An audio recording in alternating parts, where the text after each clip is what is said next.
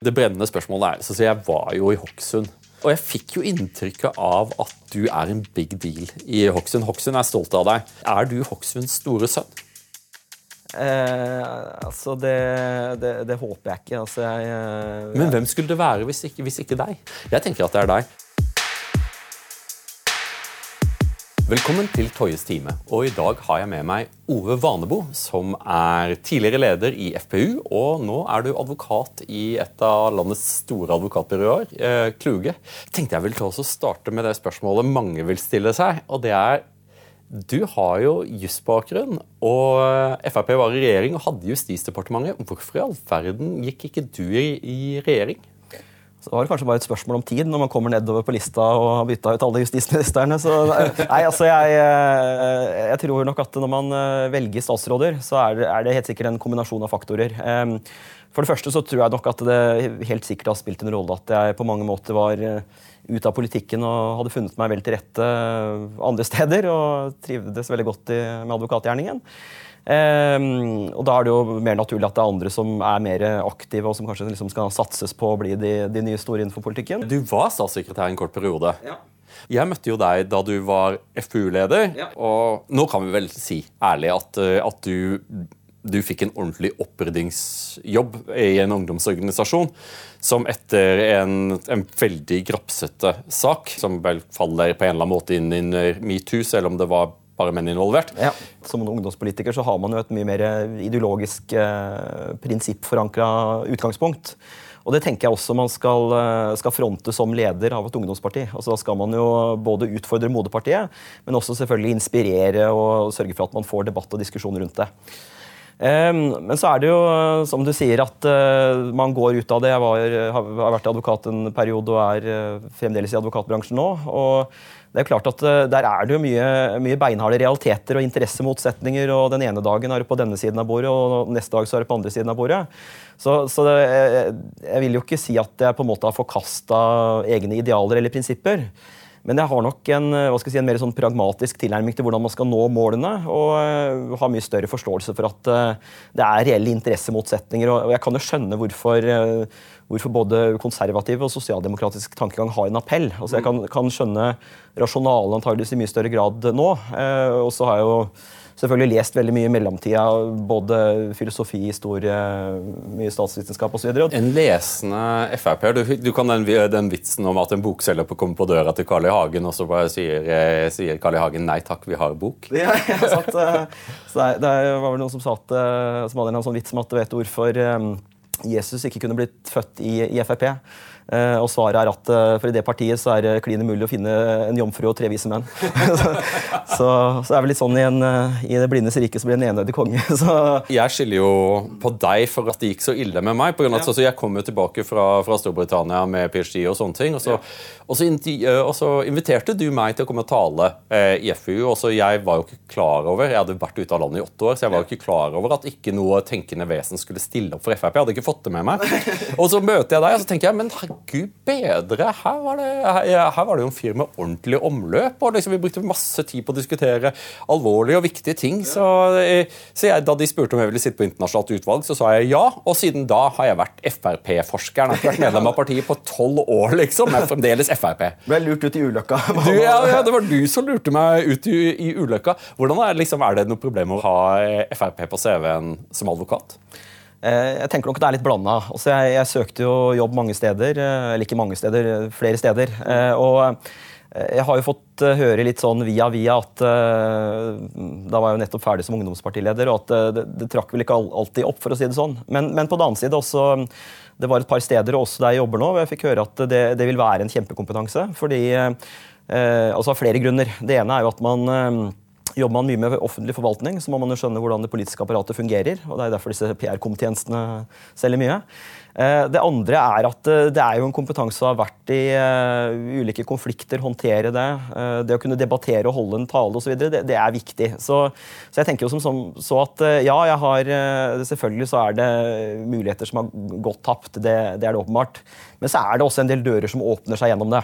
Og så får man bare tenke at nettoen blir positiv. Og sånn tenker jeg jo det kanskje er for deg også. at du, du, får jo samtidig også en unik posisjon ikke sant? som gjør at du blir eh, interessant fordi du blir kanskje en litt kontrær i stemmen. Og så, ja, det at jeg skriver i Morgenbladet i dag, for eksempel, det er jo antageligvis også et utslag av at eh, man målbærer litt kontrære synspunkter. Ja, og så er det jo sånn at eh, du må stå for noe. Ja. Uh, og jeg tror at på en eller annen måte så respekterer folk at du står for noen ting, selv om de ikke er enig.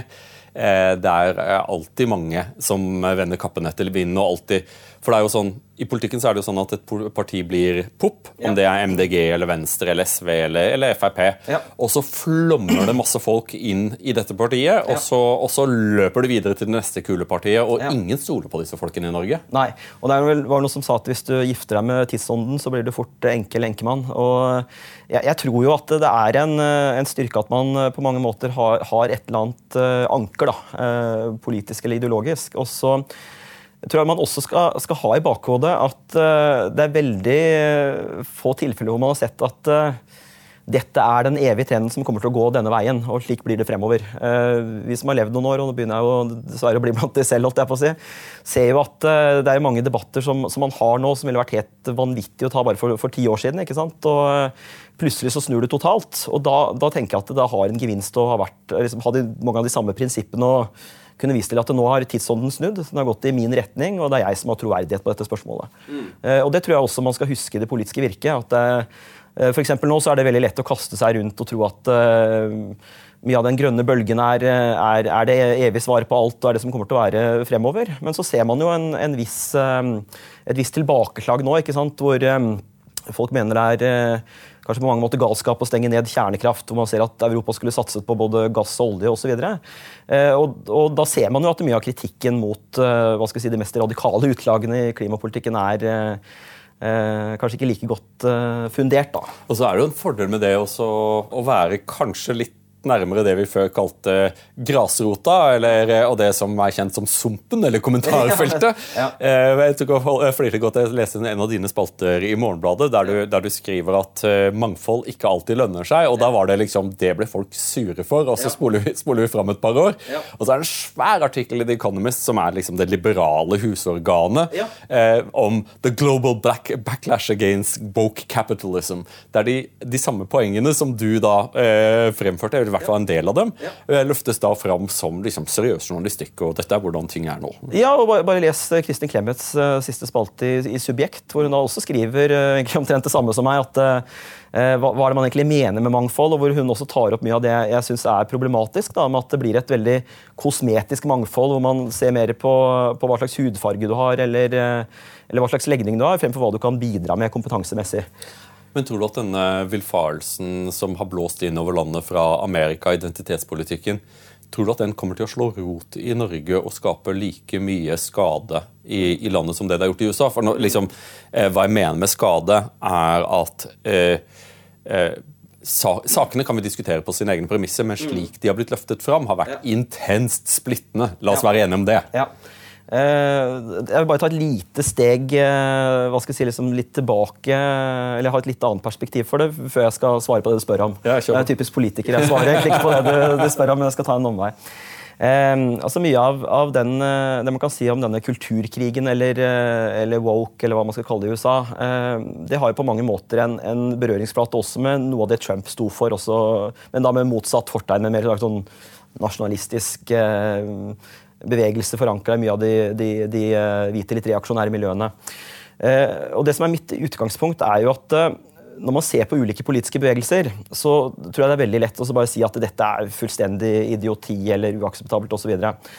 Men det jeg tror er, er, riktig å vurdere både Trump og også mye av denne woke-bevegelsen, eller hva man skal kalle det, det er at dette, dette er Begge bevegelser har til, til felles at de tar på mange måter en flik av sannheten. ikke sant? Også, det er ingen tvil om at, eh, at, Trump hadde noen poenger med at det var, var for dårlig innvandringskontroll. Um, at det var en del kulturkonflikter. At uh, kanskje har uh, outsourcingen hatt en del negative effekter. Uh, Svekkelsen av middelklassen som et kjempestort problem. Jeg tror at Man kan være enige i i målsetningene, men ja. så kommer vi da til midlene. ikke sant? Ja, og Samme er jo woke-bevegelsen også. Det er, det er, klart at ja, du, du, kan helt sikkert finne mye, mye, rasisme også i Norge i enkelte miljøer, og, og mye diskriminering osv. Men så får man, og da tror jeg det var John Gray som sa et eller annet om at det, dette er en slags sånn hyperutgaven av, av, disse ideene. fordi du har da en, en slags sånn, en, en, folkelig nasjonalbevegelse tenker folk er positivt, og har en antirasistisk bevegelse er utgangspunktet positivt. Men så får du, får du versjonen som er uh, hyperaktiv og, og på, på, på, speed. ikke sant? Og Det er da du får de mest ekstreme utslagene. Uh, for Norges del så tror jeg at det blir som egentlig alle internasjonale fenomener som kommer til Norge, at du får noen av de samme trendene, men det blir, blir ikke de mest outrerte utlagene. og Det kan vi jo se også på andre debatter. Også mye av høyrepopulismen da den kom til Norge, så var det jo en langt mer moderat utgave. kan man si. Uh, det samme er uh, disse debattene om ulikhet og piketi osv. Så, videre. så Så fikk man også de mer moderate delene. Man fikk ikke så stort schwung i, i, hva skal jeg si, de mer radikale ideene som, som slo gjennom i Arbeiderpartiet f.eks. Det er litt interessant akkurat med Frp. Det, for dette, liksom, det har vært elementer av dette som har filtrert inn i partiet. Ja. Og de har skala én etter én ja. etter én. så har de skala og endt opp i, i andre politiske partier, Demokratene og sånne ting. Mm. Og Det er helt sånn interessant med, eh, med, Frp, hvordan Frp gikk, å, gikk, fra å være en outsider som dyrket outsider-rollen, til mm. å bli en del av det politiske møblementet. Det ja. blir ingen regjering på høyresiden mm. uten Frp. Ja. Eh, men det er jo også litt sånn som du sa i forhold til eh, utviklingen i våre egne holdninger på individnivå. Det virker jo også som at, at erfaring med makt har gjort eh, Frp til et litt annet parti ja. som, som, kommuniserer på en litt annen måte og også setter seg litt mer realistiske målsetninger, har jeg inntrykk av. da. Mm. Men så tenker jeg at Du kan egentlig også se det på stikk motsatt side. Altså for Det, det ene perspektivet er jo naturligvis å si at um, Frp har blitt mer uh, hva skal jeg si, sånn seriøst, moderat, mainstream osv. Men du kan jo også si at eh, resten av det politiske landskapet har blitt mer, mer populistisk og, og værhandebasert òg. Fordi jeg tenker jo at mye av det Arbeiderpartiet har sagt, den mer radikale retorikken, eh, måten man snur opp ned eh, Enten det er spørsmål om ja, folkeavstemninger og kommunesammenslåing og den type ting, så har man jo sett veldig mye værhandepolitikk, hvor Arbeiderpartiet i det ene øyeblikket for kan støtte politireformen, og så kort tid etterpå så er det en ramsalt kritikk av den samme reformen. Ja, men det, det er sånn, men så, så Vi har jo nettopp hatt en, eh, en, en, stor skandale knyttet til stortingspolitikere og godtgjørelser. Du skrev jo boka om krisehåndtering. Det var vel en av de, liksom, for Du, du håndterte en del kriser som FpU-formann. Ja. Eh, og jeg, jeg, leste jo boka, og jeg har lært mye av deg. Og så tenkte jeg fanken, er det bare jeg som har lest denne boka? For ja, si. Eh, en del av de som falt, ja. de hadde ikke hørt på Ove Vanebo. For, kan, du, kan, du, gi oss noen tommelfingerregler for hva, er, hva, står i denne boka? Hvordan håndterer du kriser? Ja, eh, det, det kan jeg godt gjøre. Og til seerne som ikke vet om dette, så mm, skrev jeg i 2019 en bok som heter Krisehåndboka. hvor jeg da går gjennom eh, bl.a. en del politiske kriser. og uh, Bakgrunnen for det var jo at jeg har vært FPU-formann, og der er det jo på en måte litt i stillingsbeskrivelsen å håndtere skandaler og problemer. Um, og det jeg kan si er at uh, jeg tror den første lærdommen som de fleste politikere burde ta av denne boka, det er at du er en veldig dårlig rådgiver for deg selv. Um, og det er jo litt sånn pussig, fordi mange av de politikerne som har blitt råket, er jo eller som selv har forårsaka krisa. De har ikke liksom blitt truffet av denne krisen, de har jo selv hatt en aktiv medvirkning i den. Og det er at uh, I utgangspunktet er det jo uh, dyktige, kompetente, talentfulle mennesker. altså Hadia Tajik f.eks. Mm. Um, og så glemmer man at uh, når du da selv sitter der og, og, skal håndtere krise, så ville hun sikkert vært en glimrende rådgiver hvis andre hadde havnet i samme problemet. Ja. Men når du sitter der selv, så blir det jo ikke spørsmål om du har gjort noe, galt, men om, gjort noe galt, men om du er gal. Altså, du, du, tar det veldig inn til deg. Det, det, blir veldig personlig. Ja, men Det er jo som fight or, fight or flight. ikke sant? At, ja. også, at, du går over i en, ofte da en, en fight. At du ja. tenker at nå nå er de ute etter meg, nå skal jeg slåss. Ja. Eh, og så velger man feil måte å gjøre det på. Ja, og det jeg merka selv når jeg har vært i noen krisene håndterte, særlig opp mot media, da, og skal Eh, gjerne også forsvare både ting jeg selv har gjort, men også det andre har gjort. Så begynner man eh, ofte å bli veldig selvrettferdig. Ja. Og jeg merka selv at det er sånn der, ja, men faen, det er jo ikke jeg som har gjort dette, det er jo han fyren der eller hun som sa det og gjorde slik og slik, og vi gjorde jo bare vårt beste og, og prøvde å, å, redde stumpene, og så er dette takken. Altså. ja, ja, men det er jo lett å bli sånn, at, at, du tar det personlig. Hvorfor går du etter meg, liksom? Ja. Eh, og, og det, det, har vært flere ganger jeg har bare har hatt så lyst til, til, å si det, men så bare, må jeg bare bite i meg, og så uh, gjerne ta, ta, selvkritikk. Ofte så har man gjort ting galt selv. Så det må også skjønne hvordan det blir forstått utenfra. Det tenker jeg er en, en del av det. Eh, det andre er jo selvfølgelig at eh, når, eh, når dominobrikkene begynner å falle, så stopper det jo ikke der i, i dominorekka. altså Det vil ofte forplante seg videre. Mm. Eh, og det tror jeg f.eks. Trond Giske glemte. da. Altså fordi han, han, begynte å få noen saker mot seg, og så avfeide han dem som, nærmest som noen enkelthendelser og ting som folk bare var misfornøyde med. Ja. Misforståelser i det hele. Ikke sant? Eh, men så starter jo eh, disse dominobrikkene å falle. og da er det sånn at Når én står frem, så er det ofte flere som står frem. Og så, og så, vil jo dette bli mye større. Og så har man jo selvfølgelig en tendens til å undervurdere det man selv har gjort, eh, og overvurdere andres anklager. Mm. Og da blir det jo ikke spesielt vakkert å se på. Så hadde han da på en måte skjønt hvordan dette ses utenfra, og at Eh, det ofte er greit å bare få ting ut. Altså, Komme i forkant av det. Ja. Det er, det er, litt sånn tell it first, tell it all and tell it yourself. Um, og det er mye bedre at du hva det sier i PR-bransjen, eier historien. ikke sant? At det er du som um, legger den frem på en konsistent, uh, kronologisk uh, tydelig måte, og gjerne er ekstra tydelig på det du har gjort galt. Eh, for da å ta luven av det. Eh, og det vi har sett i de mest vellykkede krisehåndteringene, er jo at folk tenker at ja, faen, dette blir vel litt for mye. Har ikke vedkommende fått nok tyn nå? Mm. Og det tror jeg man kunne håndtert. Og jeg tror også kanskje, og der er nok veldig delte meninger, at muligens ville hadde Tajik kunnet sitte i dag hvis hun i dette tidsvinduet, når fokuset var på alle andre representanter rett etter valget. Hvis hun hadde gått ut og sagt at du for 15 eh, år siden eller hva det var, så, så gjorde jeg dette, eller eh, her kan det være usikkerhet, dette vil jeg rydde opp i. Mm. For hvis Hadia hadde kommet ut da, eh, så ville det jo fremstått som en ganske sånn sympatisk ting. At hun kom en meningsmotstander i møte og var liksom barmhjertig på en eller annen måte. Jeg tror at du har rett at, at det ville kunne vært en bedre løsning enn det hun gjorde. For hva, hva var det hun egentlig gjorde? Um, det er egentlig et veldig godt spørsmål, og jeg tror nok det er flere ting. Um, altså det ene er jo da at um, det, det, Dette startet jo med, med, at det på mange måter ble sett på som en litt sånn dekkoperasjon. ikke sant? At hun gikk hardt ut mot Aftenposten, som hun mente gravde i ting som ikke var noe problem. Og det er klart at Når det da kommer flere ting ut, og det er jo også derfor jeg er veldig opptatt av det med tell it all, tell it first and tell it yourself. ikke sant? Også, når du da først går ut, når man bare har denne fliken av sannhet, og så kommer det mer, så virker det som om at du gjorde en eller annen avledningsmanøver for å få fokuset vekk fra det som senere kommer. For dette har å gjøre med media, har du ikke det? Fordi at Hvis du ikke forteller alt ja. For mediene skal ha forsider, og hvis, du, og, og hvis det er mer, ja. så er det flere forsider. De fleste faller jo etter den fjerde eller femte forsiden. Ja. Eh, og så, eh, det, det, er jo litt sånn uh, death by a thousand paper cuts. ikke sant? Også, det er mange sånne småting.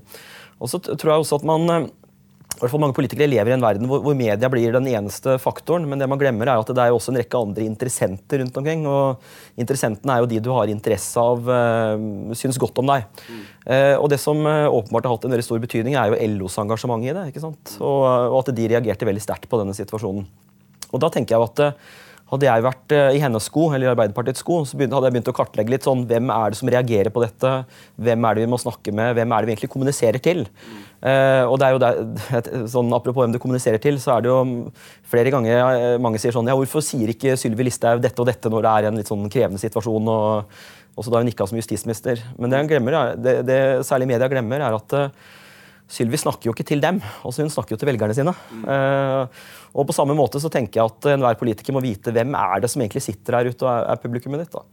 Um, og så tror jeg man må huske hvem man er selv. Også det å uh, få mistanke om, om skattejuks og den type ting, det er jo selvfølgelig mye verre hvis du er en Arbeiderpartipolitiker. Hadde du vært en Frp-politiker, så kanskje hadde blitt sett på med litt mildere øyne. Noe av problemet til Arbeiderpartiet tror jeg er at de kan fremstå litt for manipulerende ja. i sin mediedekning. Og det var også sånn når, når Hadia kommer tilbake og gjør intervju med NRK, der hun gråter litt på TV og sånne ting. Mm. Som du tenker på film mm. så ville dette fungert kjempebra, ja. men så blir det en litt sånn Amber Hirst-greie. Ja. Jeg, tror at, jeg tror at mange ikke helt kjøpte det. Det Nei. ble litt for glatt. Mm.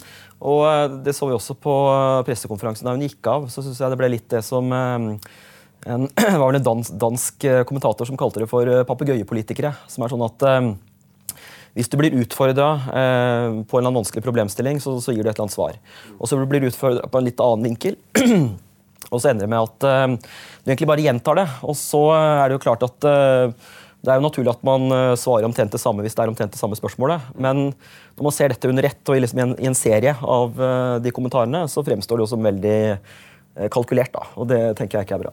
Folk flest uh, har ganske høy toleranse for at man ikke er helt konsistent. Ja. For velgerne er jo heller ikke helt konsistente. Velgerne, velgerne er jo helt skamløse. I det ene øyeblikket vil de ha de, vil du ha mer klimavennlig politikk? Ja. ja, sier velgerne. Så får de mer klimavennlig politikk, og så blir de dritsure. ja, ja, uh, og det er noe som velgerne ikke liksom går hjem og, og, og stiller seg spørsmålet 'Hvem er jeg?' liksom. Så jeg tror at man skal også tenke at at det å være, å være et menneske og, og, være et intellektuelt vesen, at det, det, funker på en eller annen måte, det også. Jeg tror at mm. kanskje noe av suksessen til Frp, i den grad man kan snakke om suksessen til Frp. da. Ja.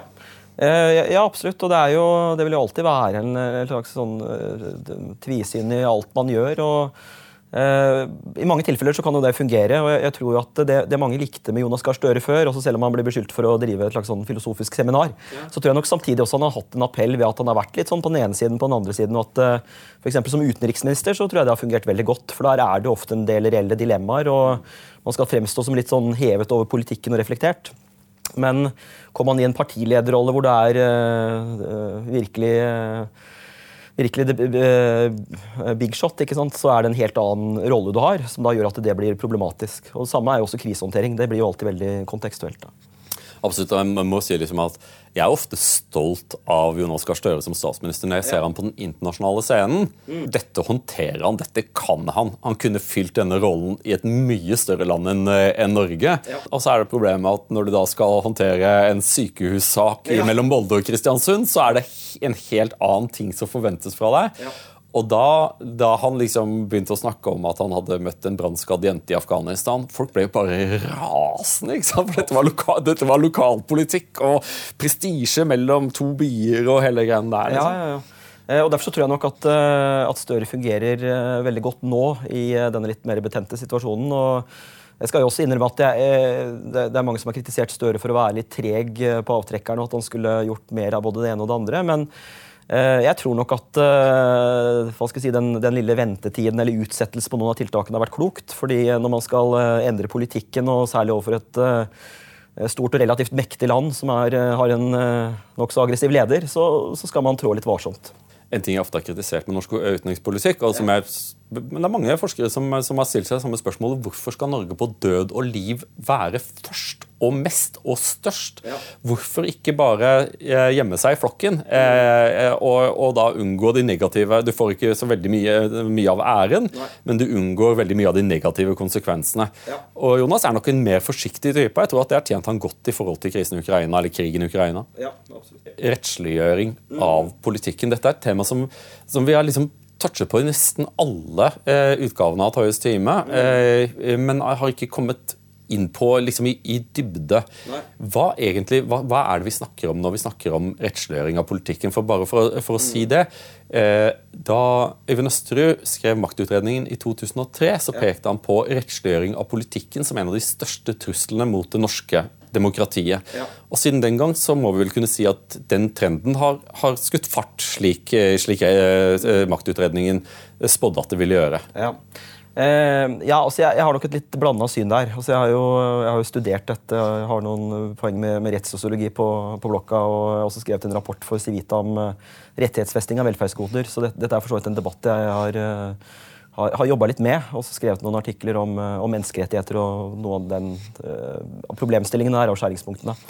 Eh, også I utgangspunktet så, så, er jo rettsliggjøring eh, Eller det brukes oftest som en betegnelse på at eh, stadig flere områder, enten det er eh, i samfunnet eller privatlivet, underlegges rettsregler. Og Noen ganger så brukes det også om at man får mer detaljerte rettsregler, da, som for så vidt bare er en forlengelse av at flere ting reguleres av, av retten eller lov og forskrift, eller hva det måtte være. Men i mange tilfeller så, så eh, syns jeg også at man snakker om utslagene av rettsliggjøringen også som en rettsliggjøring. Da. Altså, da kan jeg ta to eksempler.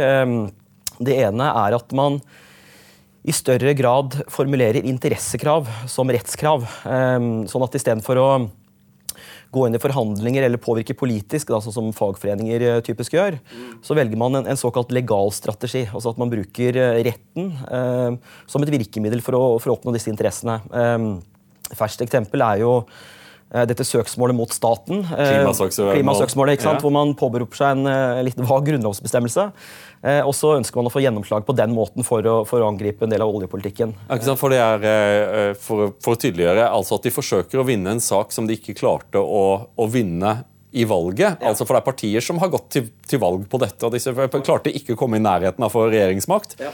Så man bare går rundt hele Stortinget og går til, går til Høyesterett og sier vi ønsker å vinne hele denne saken stort på, med henvisning til Grunnloven. Ja, og Om man mener det er hva skal jeg si, rettsliggjøring eller et utslag av rettsliggjøring, det tenker jeg ikke er så viktig, men det er en del av bildet. Og det andre som veldig mange er opptatt av, som du nevner innledningsvis, det er jo at uh, en del snakker om en maktforskyvning. Altså at man flytter makt vekk fra folkevalgte organer og over til uh, ja, typisk domstoler eller, eller, ulike rettslige institusjoner. Da. Sånn at det er de som treffer beslutninger reelt sett, mens politikerne gjør mindre. Hvorfor skulle det være uproblematisk? Vi vet jo alle at, at dommerne er jo, er jo, knapt menneskelige. De, liksom, de, har jo ingen interesser eller politiske, politiske, syn. De navigerer kun etter presedens. Hva kunne være uproblematisk ved det? Så, så slipper vi politikerne å blemre seg med sånne kompliserte ting. Ja, jeg, altså jeg har, det, det, er to forhold der som jeg tenker er verdt å, å berøre. Um, det ene er at jeg syns f.eks. Østerud og andre har et for uh, dikotomisk syn på, på, rett og politikk. Uh, dikotomisk, altså svart-hvitt? Ja, altså at, uh, at, dette er to motstående fenomener på hver sin akse. Også, eller to, to, to, ytterpunkter på en akse. Ja. Men det man skal huske er jo at mange av disse rettsreglene er jo selvfølgelig utslag av politikken. Altså det er jo selvfølgelig en politisk bestemt regel. altså mye av f.eks. helselovgivningen, som er et av de mest gjennomregulerte områdene, er jo et utslag av at politikerne ønsket å få mer styring. ikke sant? Ja. Så på mange måter er jo retten et styringsinstrument for politikken og demokratiet. Ja. Så, så, jeg syns jo at, at, denne hva skal vi si, sånn ut, altså at man, det ene utelukker det andre, det synes jeg blir veldig, veldig statisk. Eh, og det andre eh, som jeg tenker er verdt å dvele ved, er jo eh, eventuelt hva, hva, som er den mer politiske virksomheten. fordi det, er klart at når domstolen skal ta stilling til et spørsmål, så er jeg enig med deg at det kan jo være veldig skjønnspregede temaer. Eh, altså sånn rett til privatliv og den type ting.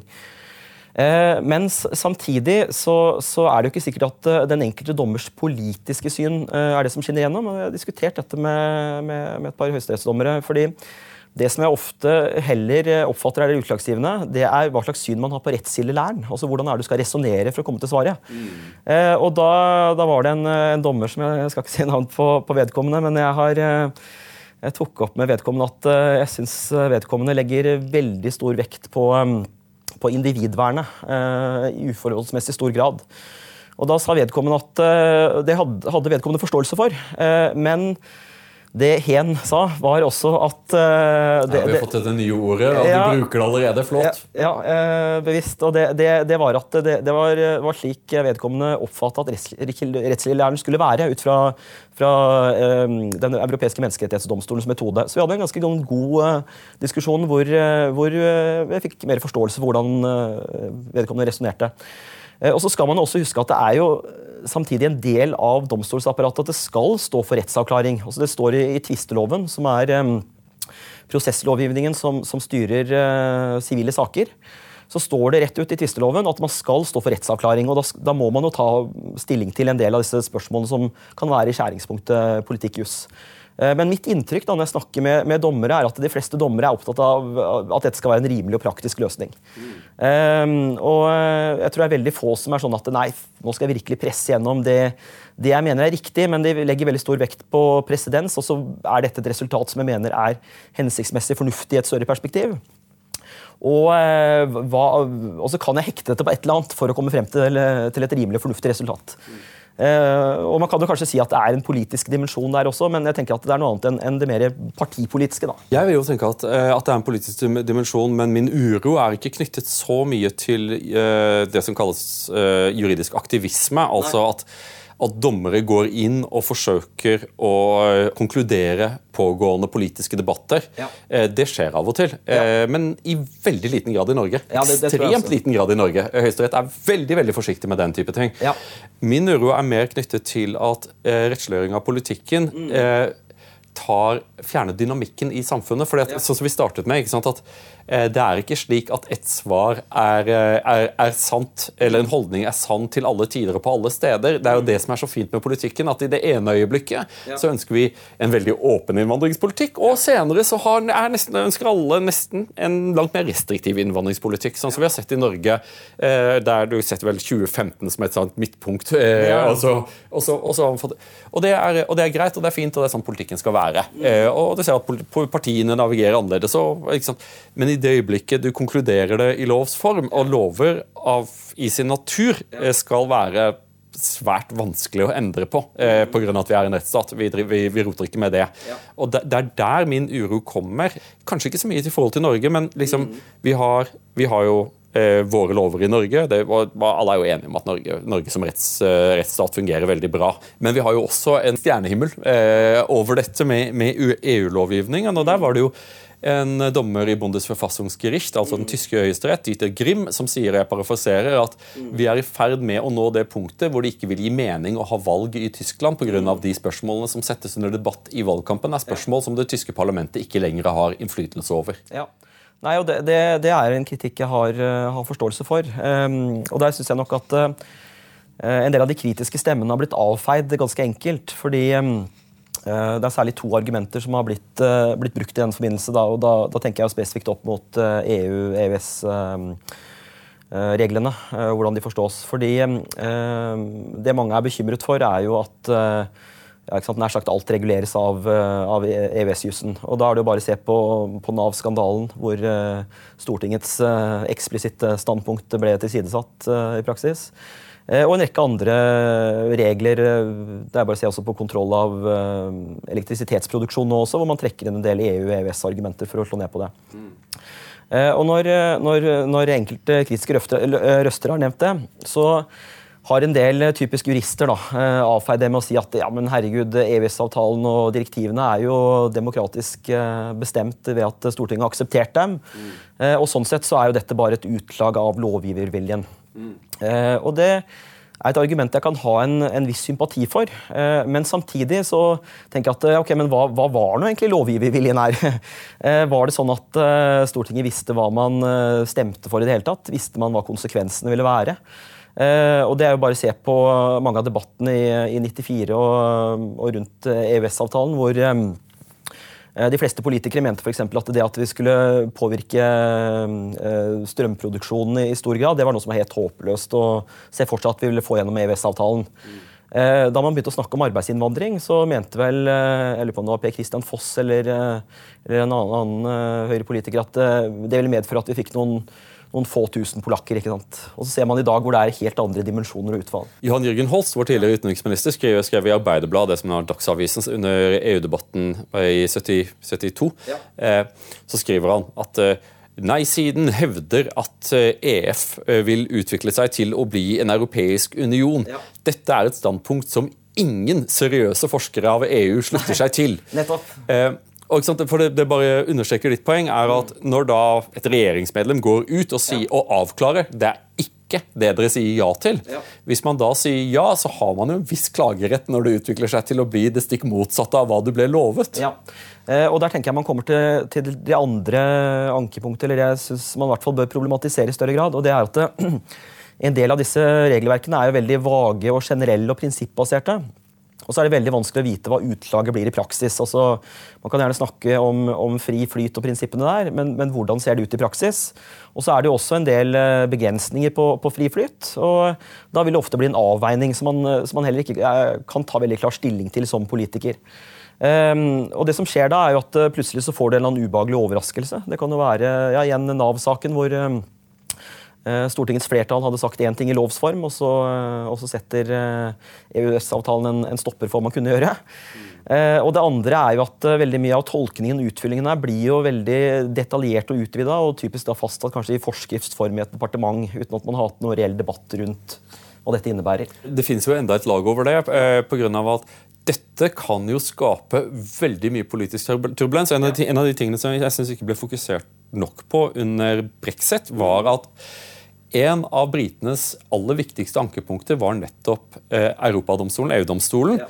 Og jeg har jo studert EU, og saken er at når de skriver traktater, så eh, ofte ender de opp med formuleringer som ikke er direkte meningsbærende pga. Mm. at de er formulert på en sånn måte at de skal kunne romme gjensidig utelukkende fortolkninger. Ja. Eh, og så er det EU-domstolen som står for fortolkningene. Ja. Eh, noen ting som britene var svært ubekvemme med, pga. at de viste da til en paragraf i Roma-traktaten, eh, Ever Closer Union. altså at målsetningen om en stadig tettere union ble brukt som et ankepunkt i dommer der de avklarte kompromisser som britene hadde vært med på. så hadde blitt enige om at dette, dette, kan vi stå inne for. Og så eh, kommer domstolen inn og sier ja, ja, men vi kommer til å tolke det som mer integrasjon i hvert eneste tilfelle. Mm. Britene sier dette kan vi ikke ha lenger, vi må, vi må, få suspendert akkurat den. Dere kan ikke bruke den i alle domstolene, der, eh, avgjørelsen deres. Mm.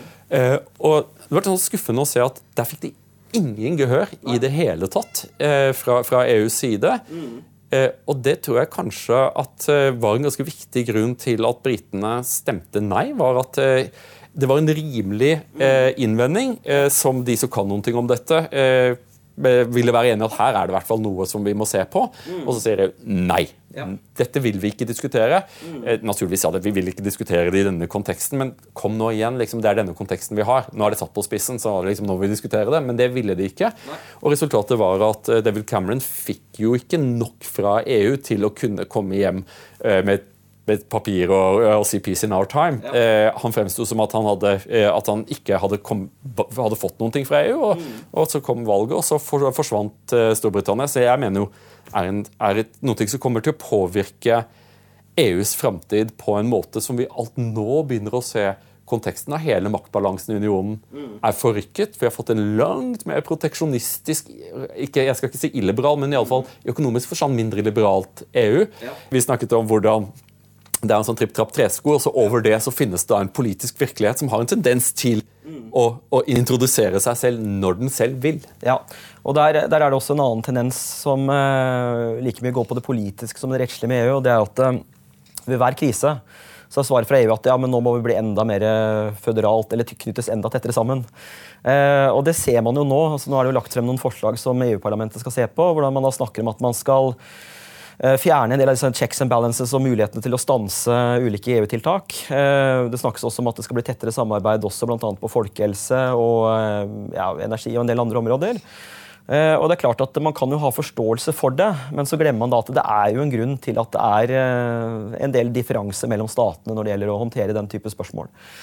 Og da, Det som kommer til å bli utfallet her, blir jo kanskje da enda mer detaljregulering, kanskje mer rettsliggjøring, som du sier.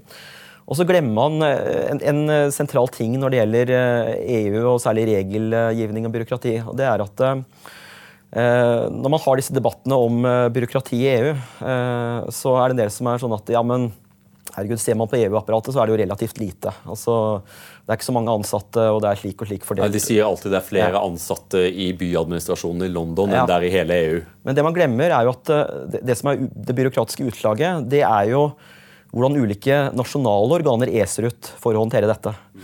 Eh, og Da er det jo bare å se på en del ulike forbrukerorganer. Eh, jeg så når det var eh, det var eh, et av direktoratene under, som håndterer klima og miljø, som nå måtte ansette langt flere fordi man ikke klarte å implementere EU-lovgivning raskt nok. ikke sant? Mm. Så det er klart at eh, det vil jo da igjen medføre at du må få andre personer rundt omkring i virksomhetene og advokater å sitte og tolke dette, så det er jo veldig bra for advokatstanden, um, og det er jeg glad for. Men, men samtidig så, ja, så er det jo Vi skal sende en tanke til de stakkars advokatene. Dere må jo leve, dere òg. Ja, altså, det er viktig at man har noen sysselsettingspakker, og det, det, det er det klart. Eh, og, og, Den dimensjonen tror jeg man glemmer. da, at det er, det er veldig lett å sitte og prate om at det selve det EU-administrative er lite. Men konsekvensene er jo at uh, nær sagt uh, ethvert uh, politisk område vil være regulert av EU-lovgivningen på en eller annen måte, og da må det håndteres, gjerne med oppbemanning. Da, ikke sant? Og det binder opp ressurser. Ja, så litt sånn morsomt i EU er jo det at Norge er jo medlem av langt mer av EU enn mange EU-land, men det handler om politisk kultur pga. at land i sør, Italia, og Hellas spesielt, ja. bare gir blanke i å implementere en masse EU-lovgivning. For de vet at EU ikke har voldsmonopol. De, de, kan ikke tvinge dem. Så de kan skrive sinte brev og sånne ting, så de eh, kan kaste i søpla. Så bare fortsetter de som før. Vi hadde Aslak Sira Myhre, og vi snakket om Frostatingsloven og med, land, med, lov skal landet bygges. Vi er veldig lovtilhengere i Norge, og vi følger lovene våre. Ja. beslutninger som hver og en er logiske og også kanskje progressive og, og kloke, men sumtotalen kan bli svært, svært skadelig. Og det er jo det er en grunn til å spørre om EU er blitt overregulert. Veksten i Europa mm. eh, Hvis du trekker en linje mellom eh, vekstraten i Europa fra 1997 fram til 2022, ja. så vil du finne en gjennomsnittlig vekst på rundt 1 ja. som er lavt sammenlignet med alle verdens eh, regioner, med unntak mm. av Antarktis. Ja, og det, det, er bare å se på det flere lakonisk har konstatert, er at eh, hvis du ser på, på en del av de store tech-gigantene, sånn Facebook, Twitter osv., så, videre, så um, er det mye problematisk med, med de, uh, de, virksomhetene, også både når det gjelder personvern og hvordan de holder på å bruke makt og presse politikere osv. Men samtidig så er det jo på mange måter oppsiktsvekkende at mens USA skaper disse store virksomhetene, så er EU mest opptatt av å regulere dem. Og det tenker jeg nok er et, uh, et varsko her. da, og Eh, ikke minst da i, eh, i kjølvannet av eh, strømkrisen og produksjonsproblemene vi har nå, så er det helt åpenbart at mye industri kommer til å flytte utenlands. Så jeg tror at man skal passe litt på at EU e ikke blir hva skal jeg si, den, den aktøren med, med renest hender, men med med minst arbeid og skitne til hendene med. Det, og det kan man fort ende opp med. Du var en ganske sånn eh, flammende EU-tilhenger, mens jeg var nok eh, Jeg har alltid vært en sånn EU-agnostiker. Eh, jeg, jeg, tror på EU når jeg ser det virker, også, ja. mens for meg er det ikke trospørsmål. Jeg har ikke no, noen kjærlighet til jeg tror ikke at solen står opp om morgenen pga. Den europeiske union, som man kan få inntrykk av når man hører enkelte medlemmer av partiet Høyre. Mm. Hvor står du i forhold til spørsmålet om norsk EU-medlemskap nå? Nei, Jeg har pleid å si at jeg er en uh, ikke-praktiserende EU-tilhenger. Altså, hva, hva, jeg mener, det, det, det, kommer an på hvilket bein jeg står opp med om, om dagen også, og hva som er på dagsorden. Uh, det er riktig som du sier at jeg har vært en veldig klar EU-tilhenger før. Og så syns jeg mye av krisehåndteringen har vært dårlig. Også både en del problemer i kjølvannet av finanskrisen, men også flyktningkrisen i 2015. Mm. Eh, og så må jeg si at jeg er veldig bekymra over EUs eh, energi- og klimapolitikk. Altså ikke fordi, eh, altså Jeg mener jo at man bør ha en, en offensiv klimapolitikk, f.eks. Mm. Men det som er problemet nå, er at man prøver å løse en del kortsiktige problemer med langsiktige virkemidler, hvis du skjønner hva jeg mener. Altså, det er helt sikkert fornuftig at man tenker at en, en vakker dag så skal vi ikke ha så mye olje og gass på dette kontinentet. Men eh, å tenke at man skal bruke det som en målsetting nå, hvor vi er eh, overfor en av de største energikrisene eh, i, i moderne tid, og hvor eh, eh, ganske stort antall millioner mennesker risikerer å dø pga. Eh, energimangel. ikke sant? Og eh, at man ikke ser at for f.eks. det å få produsert kunstgjødsel henger sammen med dette, da, da, har man et problem. Og så Senest i dag så var det jo et utspill fra, fra EU-kommisjonen hvor det også sette i gang produksjon kunst, av kunstgjødsel i, i, fattige land, som selvfølgelig vil veldig mye mer effektivt produsere mat, ble sett på som et problem fordi det kunne være i strid med EUs uh, grønne politikk. Og da tenker jeg at uh, altså Klimapolitikk skal ikke være å la folk sulte i hjel, også fordi man skal etterleve noen idealer her. Altså her, her, må man tenke hvordan skal vi løse dette nå, og så får vi ta disse mer langsiktige diskusjonene senere. Ja, men Det er kanskje også noe av problemet med liksom, EU ble jo konstruert for å være isolert fra folkeviljen. Det, det, det er ikke et, en demokratisk union, og den ble designet ikke for å være demokratisk. Og En av liksom de store tommelfingerreglene i Brussel er vekst gjennom krise. Altså integrasjon gjennom krise. At, ja. uh, jeg tror at det har skapt en, et, et, sinnelag, i, spesielt i kommisjonen, om at her er en krise. Den kan vi bruke som et middel ja. til å oppnå andre målsetninger. Altså, det, hvordan kan vi utnytte denne krisen til å gjøre kloke ting som vi ønsker å gjøre? Ja. Eh, og Problemet, er, sånn som du, eh, som du veldig godt beskriver i forhold til den grønne omstillingen, og som jeg også får meg til å tenke men dette er jo ikke politisk klokt. Dette er politisk veldig veldig uklokt. Dette er kjempefarlig, fordi ja. folk blir dritsure ja. av å ikke kunne betale regningene sine. Da blir velgerne, da blir velgerne veldig utforutsigbare. Ja. Og Derfor skal man aldri sette dem i den situasjonen. Det er en del ting du ikke skal gjøre. For stabilitet er en veldig viktig ting. I hvert fall i det norske demokratiet så er det Du kan klage over at det er kjedelig, og sånne ting, men kjedelig er bra når det gjelder demokratier. tenker jeg da. Ja, ja, ja absolutt. Og, men så er det jo altså Jeg kan jo si at et av, et av mine fremste argumenter for EU nå er jo eh, også ytterst pragmatisk. Altså jeg er jo litt sånn at ok, når vi først har havnet i denne situasjonen at norske politikere skal være mer aktivistiske og offensive enn EU på mange områder. og og hvor man uansett aksepterer alt, så, så er, har jeg ofte tenkt at da kan vi like godt melde oss inn og få, få, få billigere mat på kjøpet. Altså det, er, det, det, er, litt sånn at skal, det, skal, man mene at det skal være en forskjell mellom EØS og EU-medlemskap, så, så, må det også på en eller annen måte tydeliggjøres. og det syns jeg ikke det gjøres i dag. Tror du at det er noen mulighet for at Norge kommer til å følge Storbritannia? Eh, for, eh, for britene er jo i ferd med å, å, velge en helt annen vei, tettere opp imot USA, mer, en mer global politikk. Mm.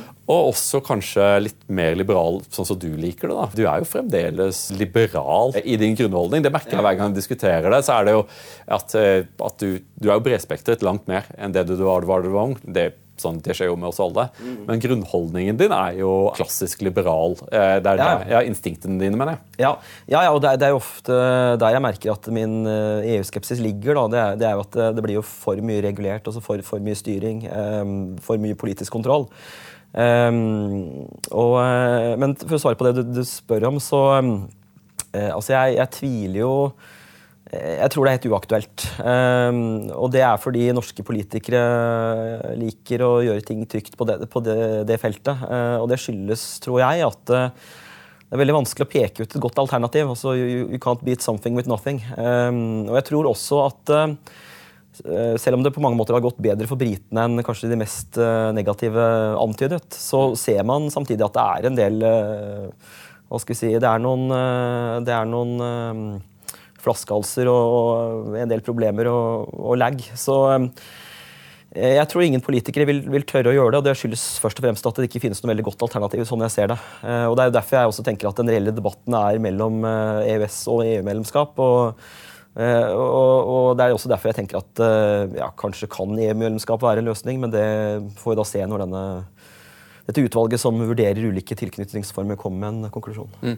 Uh, I USA så har det jo vært en så stor og veldig veldig vond debatt som enda ikke er konkludert. men det går rykter om at Høyesterett vil reversere den svært kontroversielle Roe versus Wade, som er abortlovgivningen som nedsatte retten til fri abort i, i, hele USA, men som er betydelig mer utagerende eh, hvis man kan bruke det ordet, enn noen abortlov du finner i Europa i forhold til hvor sent du kan abortere et, et foster. Jeg leste en artikkel eh, i Wall Street Journal fra en advokat som kom med argumentet at Roe versus Wade er en dårlig lov. Ja. Eh, den, er, den, er, dårlig eh, skrevet i forhold til, til, Grunnloven. Den argumenterer på en dårlig måte. Den har vært ekstremt kontroversiell og splittende. Ja. Derfor må vi ikke forandre på den. Ja. Hva tenker du eh, som, som advokat omkring det? Uh, ja, altså I den, uh, den, grad jeg har innsikt i amerikansk rett, så uh, er jeg nok enig. Fordi det man skal huske er at denne retten til abort den er utledet av retten til privatliv. Og jeg tror de fleste vil, vil, mene at uh, det er veldig vanskelig å utlede klart at du har en, har en rett til, til, privatliv som jeg tror de fleste tenker at ok, da skal ikke staten uh, ha adgang til boligen din eller uh, drive og snuse for mye i opplysninger du har, eller få vite alt om deg. Eller våpnene dine, ja. Ikke, ikke sant? og til at det innebærer en, en abortrett som i, i, praksis går til godt over 20 uker. ikke sant? Det tror jeg de fleste syns er vanskelig å, å, å tenke seg. og Eh, det er jo ikke sånn at det bare er oss som er godt planta på høyresida som mener dette. Også hun eh, godeste eh, Ginsberg, dommer Ginsberg var en veldig kjent feminist og er vel mer venstreorientert Eller det gir kanskje ikke så veldig god mening i en amerikansk kontekst, men det er mer sånn typisk liberal. ikke sant? Ja. Hun argumenterte veldig godt for at Roe versus Wade var dårlig juss, og mente at den ikke tålte en kritisk gjennomgang. Eh, men hun hadde jo da et annet perspektiv for å legalisere abort, hvor man da kunne for knytte til eh, likebehandling. Altså at eh, det å være avskåret fra retten til abort ville være såpass problematisk for kvinner at det ville hemme kvinners stilling i, i samfunnet. Det er selvfølgelig en del svakheter med det òg, men sånn jeg forstår hennes argumentasjon, så ville det innebære en, si, en, en langt mer pragmatisk tilnærming til det. Og jeg tror heller ikke hun var så veldig tydelig på at det burde gå like langt også når det gjelder grensen for, eh, for selvbestemt abort som det er i dag. Men der ser vi jo problemet når dommere inntar en politisk rolle og ja. avklarer et svært kontroversielt tema. Min gamle veileder eh, Kenneth Walt sa «If you put a court above the king, then ja. the court is king». Ja.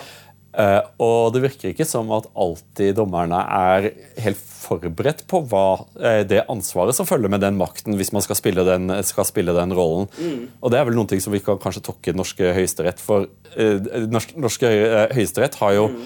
Av og til så har man jo fått dinglet ting foran dem, sånn som klimasøksmålet, og hver gang så sier de nei takk. nei takk. Ja. Det, er, det, er, Stortinget. Ja, men der tenker jeg det er to, to aspekter som er interessante å ha med seg da, sett opp mot USA. Mm. som kanskje også kan ha en viss betydning for Norge. Og Det ene er jo at uh, USA jo, har jo en veldig klar uh, fordeling av, av, makt og politikk mellom delstaten og føderalt nivå. Og det gjør det jo veldig vanskelig å skape nasjonal politikk og bli enige om det blant politikerne. og Da får du samtidig et veldig arkaisk, tregt system. Mm. Eh, og Av den grunn så har jo mange eh, det man kan kalle politiske reformer kommet gjennom Høyesterett. Eh, fordi man har sett at her er det åpenbart et, et problem. Vi har en konstitusjon som sier dette. Vi kan problematisere om de ulike delstatene følger dette opp i praksis. Og da vil man på en eller annen måte bare skjære igjennom. Og jeg tror også at det er en mye større aksept for, høyest, for at Høyesterett gjør det i USA. Altså at det har en, slags politisk rolle. Skal jeg bare ta litt vann? Jeg begynte å bli litt uh. Mm. Eh, og Det andre som jeg tenker er eh, sentralt å merke seg, da, og som kanskje også kan forklare noe av, av rettsliggjøringen, er at eh, det er veldig vanskelig å se for seg USA som ett land. Altså, det er jo enorme kulturelle forskjeller. Og det er klart at Når du har et samfunn som på mange måter er polarisert politisk, kulturelt, interessemessig osv., så blir det vanskelig å løse en del store problemer gjennom politikk. Eh, og da tenker jeg at da blir det jo eh, kanskje sånn at kanskje retten må bare skjære igjennom. Og jeg tror også at det vi ser i Norge, i hvert fall noe av rettsliggjøringen, er jo også et utfall av at vi blir mer mangfoldige og forskjellige. fordi Tidligere så kunne man kanskje styre mer gjennom sosial kontroll og konsensus. altså Da Norge var et litt mer bondsk, tradisjonelt samfunn Eh, orientert rundt én religion, én statskanal osv., så, videre, så var det ganske strenge normer for hva du kunne gjøre og ikke gjøre. Eh, det er det nok fremdeles til en viss grad. Men det er jo klart at eh, når det da blir større ulikhet i oppfatninger rundt f.eks. ytringsfrihet, likestilling, minoriteters rolle osv., så, så betyr det jo også at man på en eller annen måte må styre dette. Eh, og en del av de eh, hva skal jeg si, seneste lovkravene er jo knytta nettopp til å uh, ivareta ulike minoriteter. Mm. I et system som i Storbritannia og USA ja. så er det jo slik at det ene, partiet, det ene, partiet, styrer, og det andre partiet er i opposisjon. Det er veldig sjelden at du får noe at de, at de samarbeider. Ja. Eh, mens i vårt system så er det jo slik at det parlamentariske grunnlaget kan endre seg en del fra, fra sak til sak. På mange måter er jo EU en, en, en, litt annerledes, men en parallell til det du ser i USA. Hvordan skal man kunne klare å gi retning til en union med 27 medlemsland, 27 parlamenter, ja. eh, i USA 50 delstater? Ja. Av og til så må noen skjære igjennom. Ja. og så regner, ja, men da Ministerrådet. The Council. Men de klarer ikke å bli enige om at himmelen er blå. Nei. Hva med kommisjonen? Ja, Kommisjonen kunne gjøre sånn som presidenten, og liksom å styre gjennom nødfullmakter på sett og vis, og si at sånn er det nå. Ja. Så det, dette er jo ikke, det er jo ikke den onde domstolen. Dette her er en, en konsekvens av et dysfunksjonelt system. Så ender du jo opp hos disse dommerne. Ja. Og jeg lurer også på om dette kanskje kan ha en side til eh, justispolitikk også. fordi mm, man har jo snakket om at uh, USA har en uh, forferdelig hva skal jeg si, radikal justispolitikk med drakoniske straffer osv. Men det er jo klart at Eh, mens man da tidligere kunne styre gjennom mer uformelle signaler, så ser man jo også i Norge at det er en Uh, altså du, du, får grupper som mener at uh, vold kan være en legitim problemløser. Altså, så I opptøyene i Sverige så sa jo også han ene at uh, ja, ja, om jeg får, får, noen år i fengsel for å uh, angripe politiet i forbindelse med koranbrenning, så er det greit, fordi uh, det er et veldig aktverdig formål å, å, angripe de som tillater det. ikke sant? Sverige er jo som et komishow. Eh, Ebba Busch, vår landskvinne som leder ja. Kristendemokratene i Sverige, ble feilsitert. ja, det stemmer det. Hun ble feilsitert og sa 'hvorfor skjøt ikke politiet med skarpt'? Altså, ja, hvorfor skjøt ikke politiet flere av demonstrantene? Eh, og, og, partiet hennes steg jo i meningsmålingene som en rakett. Hun hadde ikke sagt det, men det sier jo også noe om hvor bisart eh, det av og til kan være. Da, for det er, et, det er jo et helt håpløst utsagn. En politiker kan ikke si noe sånt. Eh, men eh, det var jo gefundes fressen for, eh, for velgerne. Det var noe som virkelig løftet partiet i meningsmålingene. Ja, og Der, der er også et uh, interessant punkt som uh, skapte konflikt. fordi Hun begynte jo da å snakke om at man måtte slå tilbake mot islamistene. og Så ble dette oversatt på svensk radio blant annet til somalisk. Eh, og Da begynte man å snakke om at eh, hun, hun, nærmest hadde sagt at hvorfor kan man ikke angripe muslimene. Altså, så det, det, viser også igjen at du får mer komplekse samfunn, da, hvor det er veldig vanskelig å styre gjennom hva skal vi si, dialog, konsensus, uformelle signaler osv. Absolutt. Det brennende spørsmålet er så Jeg var jo i Hokksund, en, en fin bygd. Ja. Og jeg fikk jo inntrykket av at, uh, at, du er en big deal i Hokksund. Hokksund er stolt av deg. Vil, er du Hokksunds store sønn? Eh, altså, det, det, det, håper jeg ikke. Altså, jeg, jeg, Men hvem skulle det være hvis ikke, hvis ikke deg? Ja, nei, det jeg begynte å tenke sånn der, Er det noen uh, kjente folk fra Hokksund? Men, men, det jeg kan si er jo at jeg har jo egentlig ikke bodd så mye i Hokksund. Altså, jeg, jeg, har jo vokst opp forskjellige steder i, i Øvre Eiker, der jeg kommer fra. Mm. Så jeg, bodde i Hokksund da jeg var liten, og så flytta jeg til et sted som heter Skotselv. Og så flytta jeg tilbake igjen til Hokksund på et tidspunkt, og så til, til Vestfossen også et, eh, et sted litt senere. Så Eh, jeg, jeg, tror det blir eh, egentlig litt urettferdig å si at eh, jeg på en måte skal representere Hokksund på, på, å være noen sånn typisk borger derfra. Altså. Så, jeg tenker at det er deg. Men så jeg hadde et sånt øyeblikk. Jeg ble introdusert nede på Sørlandet. så, så jeg liksom jeg hadde introdusert som Audendals store sønn. Nettopp, etter da fra Follo, ja. Nei, jeg, jeg, jeg vokste opp i Drøbak. Eh, men, men jeg, jeg kom jo fra Audendal. Ja. Eh, og så ble jeg introdusert som Audendals store sønn, og da var det en bonde som satt på første rad, så rista han på hodet og sa Nei, nei, nei, det er Bjøro Haaland. ja, det er Bjøro Haaland som er Aundals store sønn. Så eh, vi, vi, må bare jobbe hardere, sånn at vi kan få en liten byste i hjembygdene våre når, eh, når tiden er omme. Ove Vanebo, tusen takk for at du kom på Torjus time for å forklare eh, rettsliggjøringens mysterier. Vi har vel konkludert at eh, at det er som med mange ting. At eh, det er, ikke, det er verken svart eller hvitt. Eh, og det er ikke en udelt negativt, men det kan likevel være, være kontroversielt og vanskelig. Det er det, vi advokater sier jo alltid at det kommer an på, og det tenker jeg også er en veldig god måte å betegne også rettsliggjøring. Kommer du til å fakturere time for denne samtalen? Altså, Klientforhold er konfidensielle, så det kan jeg ikke si noe om nå. Takk skal du ha, Ove Vanebo. Hyggelig å være her.